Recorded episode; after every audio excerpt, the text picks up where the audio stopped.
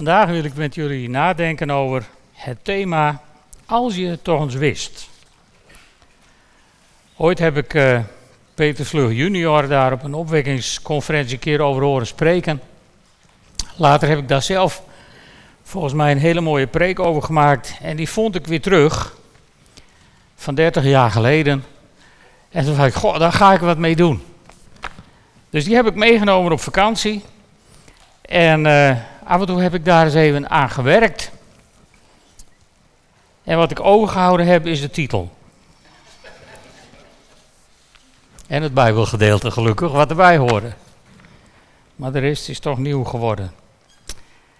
Ik wil eerst met jullie lezen uit Johannes 4. We kennen dat als het verhaal van de Samaritaanse vrouw.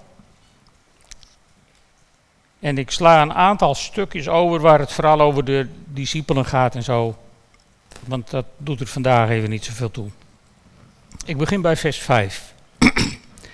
Zo kwam Jezus bij de Samaritaanse stad Sigar dicht bij het stuk grond dat Jacob aan zijn zoon Jozef gegeven had, waar de Jacobsbron is. Jezus was vermoeid van de reis en ging bij de bron zitten. Het was rond het middaguur. Toen kwam er een Samaritaanse vrouw water putten. Jezus zei tegen haar: Geef mij wat te drinken. Zijn leerlingen waren namelijk naar de stad gegaan om eten te kopen. De vrouw antwoordde: Hoe kunt u als Jood mij om drinken vragen? Ik ben immers een Samaritaanse. Joden gaan namelijk niet met Samaritanen om. Jezus zei tegen haar: Als u wist, en dat is de kern waar het vandaag over gaat. Als u wist wat God wil geven en wie het is die u om water vraagt, zou u hem erom vragen en dan zou hij u levend water geven. Maar hier zei de vrouw: U hebt geen emmer en de put is diep. Waar wilt u dan levend water vandaan halen? U kunt toch niet meer dan Jacob, onze voorvader? Hij heeft ons die put gegeven en er zelf nog uitgedronken. En ook zijn zonen en zijn vee. Iedereen die dit water drinkt, zal weer dorst krijgen, zei Jezus. Maar wie het water drinkt dat ik hem geef, zal nooit meer dorst krijgen. Het water dat ik geef, zal in hem een bron worden, waaruit water opwelt dat eeuwig leven geeft. Geef mij dat water, Heer, zei de vrouw. Dan zal ik geen dorst meer hebben en hoef ik ook niet meer hierheen te komen om water te putten. Toen zei Jezus tegen haar: Ga uw man eens roepen en kom dan weer terug. Ik heb geen man, zei de vrouw. U hebt gelijk. Als u zegt dat u geen man hebt, zei Jezus. U hebt vijf mannen gehad en degene die u nu hebt, is uw man niet. Wat u zegt is waar. Daarop zei de vrouw: Nu begrijp ik, Heer, dat u een profeet bent. Onze voorouders vereren op deze berg en bij u zegt men dat Jeruzalem de plek is waar mijn God vereerd moet worden. Geloof me, zei Jezus. Er komt een tijd dat jullie nog op deze berg, nog in Jeruzalem, de Vader zullen aanbidden. Jullie weten niet wat je vereert, maar wij weten dat wel. De redding komt immers van de Joden. Maar er komt een tijd, en die tijd is nu gekomen, dat wie de Vader echt aanbidt, hem aanbidt in geest en in waarheid. De Vader zoekt mensen die hem zo aanbidden. Want God is geest, dus wie hem aanbidt moet dat doen in geest en waarheid. De vrouw zei: Ik weet wel dat de Messias zal komen. Wanneer hij komt, zal hij ons alles vertellen. Jezus zei tegen haar: Dat ben ik, die met u spreekt. De vrouw liet haar kruik staan, ging terug naar de stad en zei tegen de mensen daar: Kom mee, er is iemand die alles van mij weet. Zou hij dan niet, zou dat dan niet de Messias zijn? Toen gingen de mensen de stad uit naar hem toe. Verder bij vers 39. In die stad kwamen veel Samaritanen tot geloof in hem door het getuigenis van de vrouw. Hij weet alles van me. Ze gingen naar hem toe en vroegen hem bij hen te blijven. Toen bleef hij nog twee dagen. Nog veel meer mensen kwamen tot geloof door wat hij zei. Ze zeiden tegen de vrouw: We geloven nu niet meer om wat jij gezegd hebt, maar we hebben hem zelf gehoord. En we weten dat hij werkelijk de redder van de wereld is. Drie punten wil ik met jullie bespreken, naar aanleiding van dit verhaal. Punt 1 is wat Jezus niet doet in dit verhaal. Het tweede punt is wat Jezus wel doet. En het derde punt, daar wil ik kort met jullie even naar kijken, is het resultaat van dat geheel. Dus, wat Jezus niet doet. Vier punten. Nu wordt iedereen ongerust. Die denkt, die 4, 12. Geen zorg. Wat Jezus niet doet. Het eerste ding wat je opvalt, wat Jezus niet doet, is Jezus discrimineert niet. Dat begint in vers 9. Jezus maakt kennis met die vrouw die vraagt wat te drinken. En dat is meteen van dik hout zaagt men planken. Zie je het plaatje voor je? Die vrouw die komt, Jezus zegt, geef me wat te drinken. het is, hoe kun jij als Jood mij te drinken vragen? Ik ben immers. Typische reactie van heel veel mensen die vaak gediscrimineerd zijn. Overigens, hè, want je hebt een minderwaardigheidscomplex opgelopen en je denkt dat iedereen tegen jou is. En, en ze zit meteen erbovenop. Vol in de confrontatie. En Jezus negeert het gewoon. Je moet het verhaal, maar Jezus gaat er helemaal niet op in. Dat zijn Samaritanen en hij een Jood. Hij negeert het volkomen. En toen ik daarover nadacht, toen, toen vroeg Jezus me, wil jij iets polariseren? Dan doe je dat maar zonder mij. En toen heb ik me gerealiseerd Kennelijk was dus al die keren dat ik iets op de spits heb gedreven in mijn leven, was dat zonder Jezus. Dan ben ik vaker zonder Jezus op stap geweest dan ik in de gaten had. Weet je dat? Soms dacht ik de zaak van Jezus te verdedigen. En Jezus was zo scherp. Wil jij polariseren? Wil jij iets op de spits drijven? Dan doe je dat maar zonder mij. Want Jezus is niet van het polariseren, weet je. Als je het, het leven van Jezus bekijkt in de Bijbel, dan is Jezus meer van de andere wang en van de extra mijl en, en van het, het, het niet terugschelden als je uitgescholden wordt en, en meer als het lam dat naar de slagbank geleid wordt en zijn mond niet open doet. Hoe vaak is dat het kenmerk van jouw leven geweest, van mijn leven geweest? Misschien wel veel te weinig. Wil je polariseren? Dan doe je dat kennelijk zonder Jezus. Want Jezus is volgens mij meer van wat ik eerder genoemd heb in een preek samen in Christus een tijdje geleden. De tekst die staat in Galaten 3 vers 28. Paulus die schrijft daar aan de mensen in Galatië. Daarbij is het niet van belang of men Jood is of Griek of alles daartussenin. Daarbij is het niet van belang of men slaaf is of vrije of alles daartussenin. En daarbij is het niet van belang dat men man is of vrouw of variaties daartussenin. Want allen bent u één in Christus Jezus.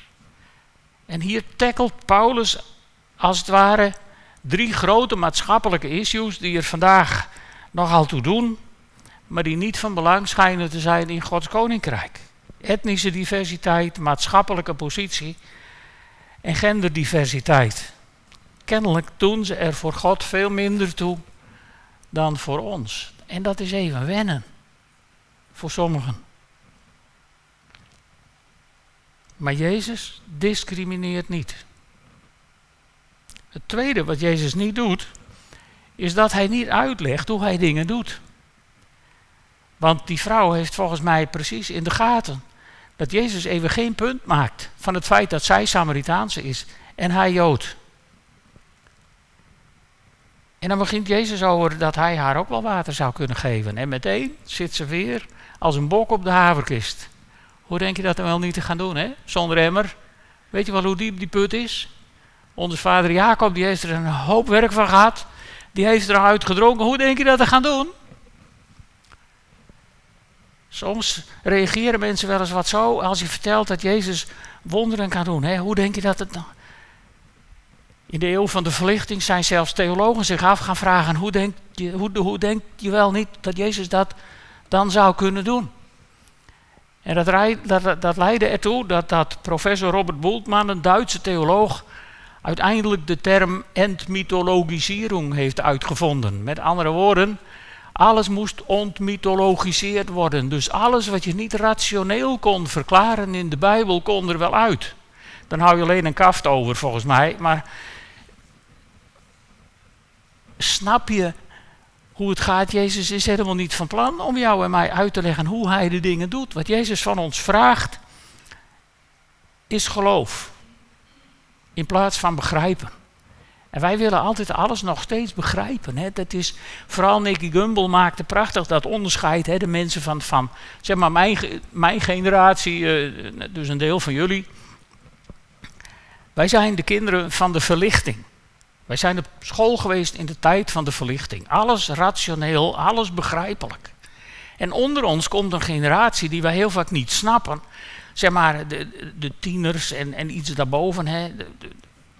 Nou, jullie weten wel over wie het gaat. Die, die, die hebben volgens mij veel minder met dat rationele. Volgens Nicky Gumbel zijn dat de kinderen van de New Age. Van het gevoel, van het beleven, van het ervaren. Ik wil het zien, ik wil het voelen, ik wil niet meer van de theorie. Lastig. Lastig. Maar volgens mij is Jezus ook niet van de theorie. Want hij legt haar niet uit hoe hij het gaat doen. Hij vertelt haar alleen wat het resultaat zal zijn.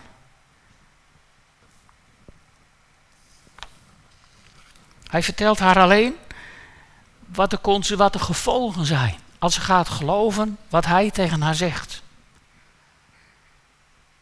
En toevallig las ik vanmorgen in mijn stille tijd, nee ik geloof niet meer in toeval, maar las ik Psalm 139. Waar, waar in vers 6, zeker in de NBG-vertaling, die prachtige zin staat: Het begrijpen is mij te wonderbaar, te verheven. Ik kan er niet bij. Mooi is dat, hè? Als je zo nou in je geloof zou staan en je zou tegen Jezus kunnen zeggen: Ik snap er geen hout van, het is me veel te wonderbaarlijk, maar ik geloof dat u alles kunt wat wij bidden of bedenken en wat wij aan u vragen. Is dat kinderlijk geloof? Ja, dat is kinderlijk geloof. Want je gaat je niet meer afvragen of het kan. En weet je, je drijft Jezus niet tot wanhoop. Mijn kinderen deden dat vroeger wel. Mijn kinderen waren zeer gespecialiseerd in als ze iets kregen, een cadeautje, om dat vakkundig te demonteren in hun onderzoek naar hoe het in elkaar was gezet. En als ze dan s'avonds op bed gingen, dan kwam het doosje onderdelen bij mij te staan. En dan gingen ze op bed in de volle verwachting dat het andere morgen weer gewoon feilloos zou functioneren. En daarmee dreven ze je tot wanhoop. Maar God drijft je niet tot wanhoop. Dat ga je niet redden. Je kunt niet zoiets moeilijks bedenken en aan God vragen dat God daar s'nachts van wakker ligt. Echt niet. Want mijn God kan alles. Hij ligt alleen niet uit hoe het moet. Het derde punt, wat Jezus niet doet, is Jezus oordeelt niet.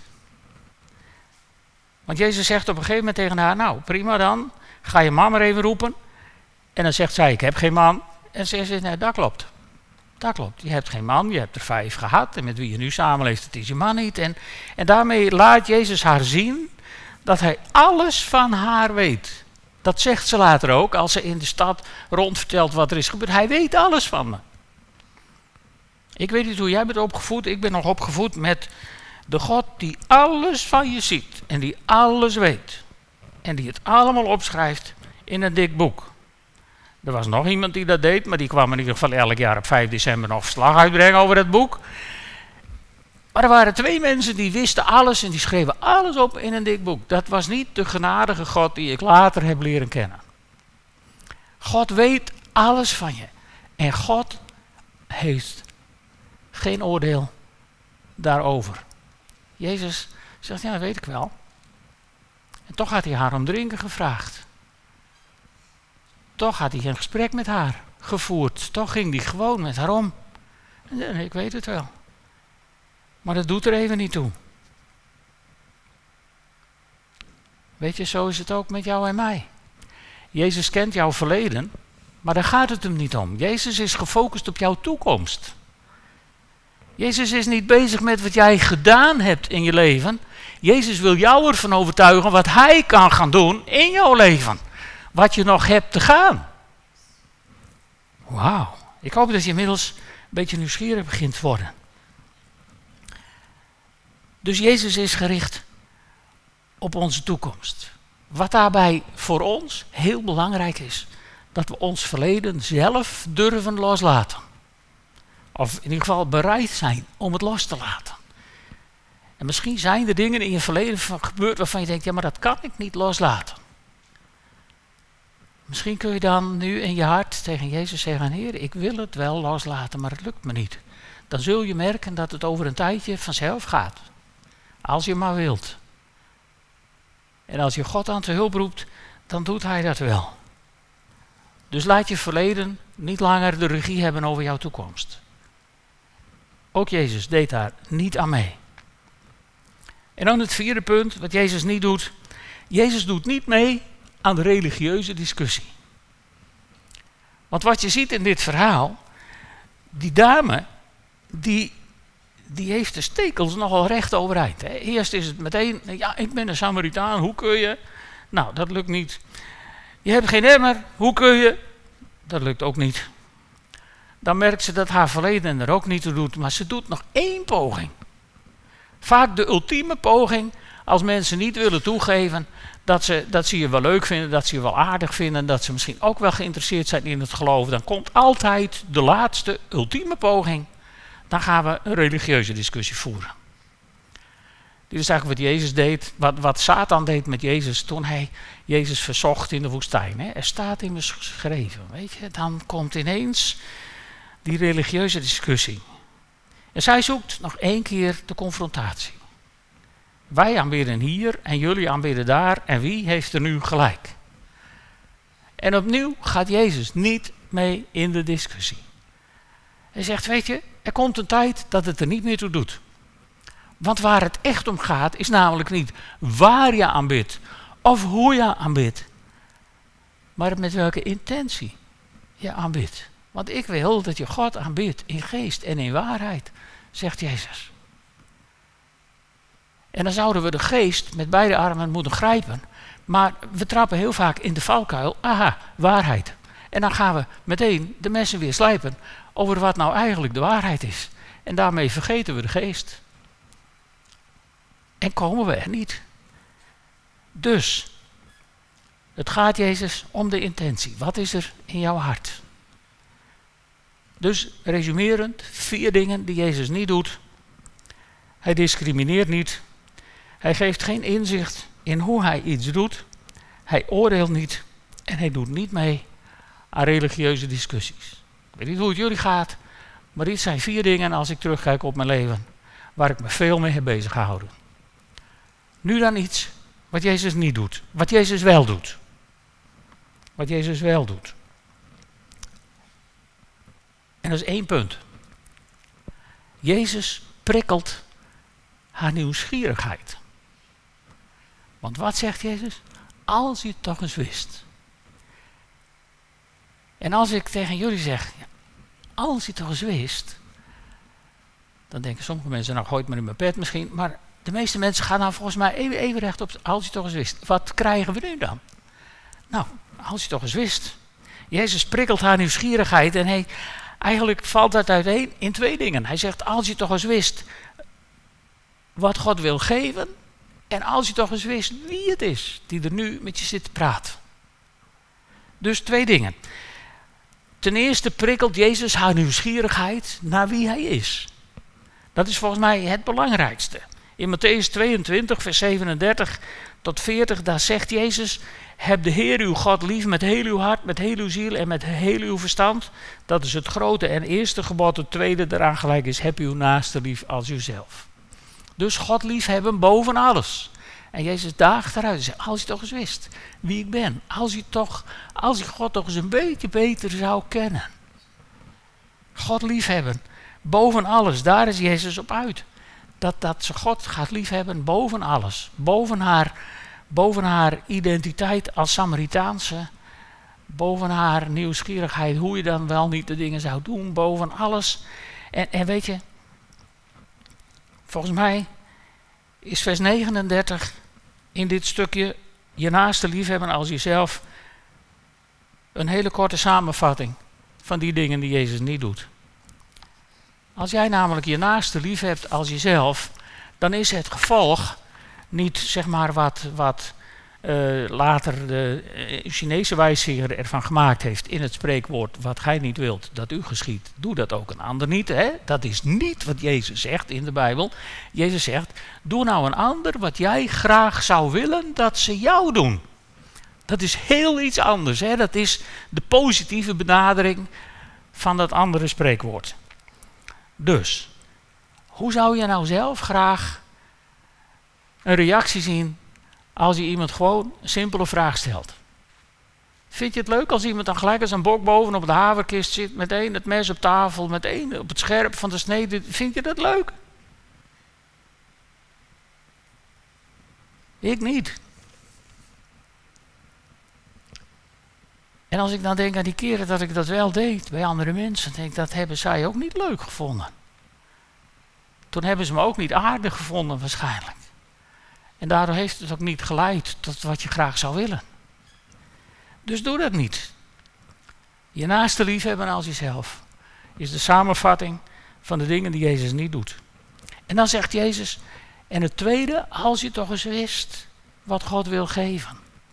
Dan zijn we bij de gaven van de gever gekomen. Als we de gever van de gaven één keer kennen, dan kunnen we ons openstellen voor de gaven van de gever. Vaak willen we dat andersom, maar het gaat niet. En wat moet je dan? Als je wist, als je wist, zegt Jezus, zou je vragen. Als ons vragen dus beperkt wordt door wat wij weten, vragen wij 9 van de 10 keer te weinig van God. Te klein. Te bekrompen. Want wat schrijft Paulus aan de Efeziërs in Efeze 3, vers 20? Daar schrijft hij over God, of over Jezus, aan Hem, die door de kracht die in ons werkt, bij machten is oneindig veel meer te doen dan wij vragen of denken. Jezus zegt niet dat een of andere kracht in het universum is die oneindig veel meer kan doen dan wij bidden of bedenken. Hij zegt, de kracht die in ons is, dus hij is al aanwezig, hè, het potentieel zit erin. En, en dan zegt Jezus, en, en die kracht is bemacht oneindig veel meer te doen dan wij kunnen vragen of bedenken. Dat betekent dat we groter moeten gaan denken. En groter moeten gaan vragen over de kracht en over de macht van Jezus.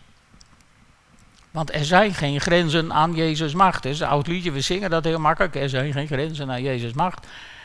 En ondertussen vragen we zo bekrompen. Ik heb ooit eens een keer dat genoemd, zo van, van over een jonge man. En die was aan het bidden. En die bad, Heer, ik heb voor mijn bediening een nieuwe auto nodig.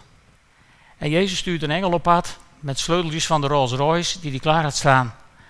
En toen zei hij, maar een oud, golf, een oud golfje is genoeg. En toen schoot tegen die engel, nou hang die sleutels van die Rolls Royce maar op, want die raken we niet kwijt. Misschien heeft God wel een Rolls Royce voor jouw leven klaarstaan. En bid je elke keer om een oud golfje. En denkt God, weer die sleutels van die Rolls Royce niet, hè?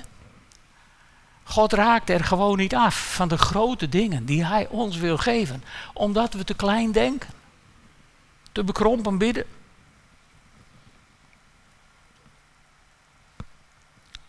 En daarom moeten we terug naar wat, wat we een tijdje geleden een keer hebben gehad, toen we dat mooie lied hadden over de God of Possible.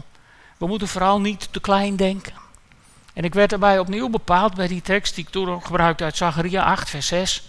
Dit zegt de Heer van de hemelse machten. Ook al lijkt het jullie, die van dit volk nog over zijn, nu onmogelijk, waarom zou het voor mij onmogelijk zijn? Misschien loop je tegen situaties aan en denk je, nou, dat is, dat is onmogelijk. Dan moet je volgens mij gaan ervaren dat God als het ware voor je staat, is dat onmogelijk? Leg mij eens uit waarom. En als je dan niet kunt bedenken waarom het voor God onmogelijk is, vraag het dan gewoon. Voor God is niks onmogelijk. En die uitdaging vind ik zo mooi van God. Waarom zou het voor mij onmogelijk zijn? Leg me dat eens uit. Bedenk het eens. En weet je, ik geloof dat God ons vandaag de dag uitdaagt om, om stil te staan bij onze verlangens. Dat is ook een onderdeel van het nieuwe thema wat we na de, op de startzondag gepresenteerd gaan krijgen. Dus ik zal niet veel gras voor Aries voeten proberen weg te maaien. Maar God daagt je uit om meer van Hem te gaan verlangen. Wat zou je nou graag van Hem willen? En hoeveel geloof kun je opbrengen voor wat Hij zou kunnen doen? Blijf alsjeblieft met al het geloof wat je bij elkaar kunt harken bidden voor de mensen in onze gemeente die ziek zijn. Voor de mensen in je, in, je kennissenkring misschien, die ziek zijn. Ook als je Jezus niet kennen, weet je. Dit, ik heb iemand in mijn vriendenkring, die haar man is terminaal ziek. En ze willen niks met God. En dan bid je ook of God daar een wonder wil doen. En we hebben iemand in onze volkshandskring, precies hetzelfde. En je bidt ervoor, het kan je zo'n hopeloos gevoel geven. En dan kun je soms denken van nou, dit is zinloze exercitie. En, en, en door de voorbereiding op, op deze preek heeft God me zo ongelooflijk uitgedaagd om niet meer te denken in zinloze exercities. Misschien heb je dingen noden in je omgeving waarvan je denkt, dit is te groot. Lieve vrienden, voor God is niks te groot. En God vraagt niet van ons dat we in zekerheid gaan bidden dat Hij wat gaat doen. God vraagt van ons dat we gaan bidden in het geloof dat bij Hem alles mogelijk is. En dan mogen we het bij Hem neerleggen. En dan mogen we net als mijn kinderen vroeger met hun gesloopte speelgoed in alle rust gaan slapen. In het vertrouwen dat God er iets nieuws, iets moois van maakt. Want mijn God kan alles. Hij doet het niet altijd zoals ik het wil. En dat begrijp ik niet. Ik heb ook vaak genoeg, net als die vrouw, de vragen van, maar hoe dan?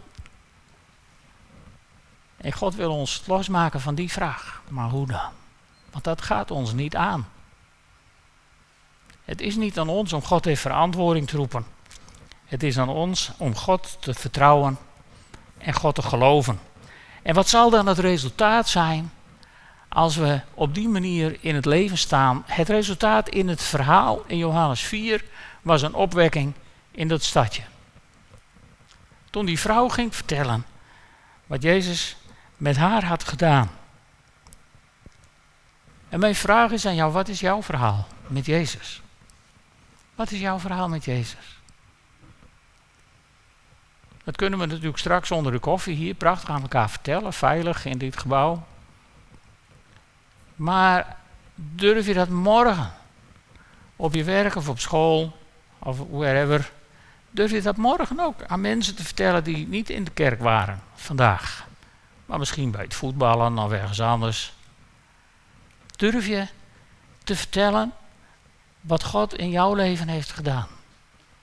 Durf je tegen niet-kerkelijke mensen te zeggen wat God je duidelijk heeft gemaakt? Ik vind het altijd heel wonderlijk dat op maandag in de kantine mensen van alles durven te vertellen over hun weekend, behalve de kerkmensen die durven eigenlijk hun mond niet open te doen in dat gezelschap. Maar hoe willen wij nou mensen nieuwsgierig maken naar wat God kan geven als we niks vertellen over wat Hij in onze levens doet? Dat zou een normaal deel van ons gesprek moeten zijn. Want de mensen weten namelijk wel waar je staat. Mensen om je heen, je buren, je collega's, je klasgenoten, die weten donders goed dat jij zondags naar de kerk gaat. Durf je het? Durf je wonderen van God te verwachten? Groter dan wat je tot nog toe misschien ooit hebt durven bidden? Ik vind het eng, dat wil ik eerlijk tegen je zeggen.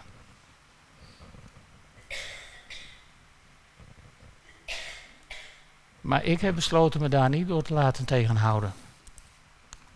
En ik bid dat de geest van God jou zo moedig zal maken. Dat je een gebedsheld wordt die alles aan God gaat vragen. Zullen we gaan staan en samen bidden?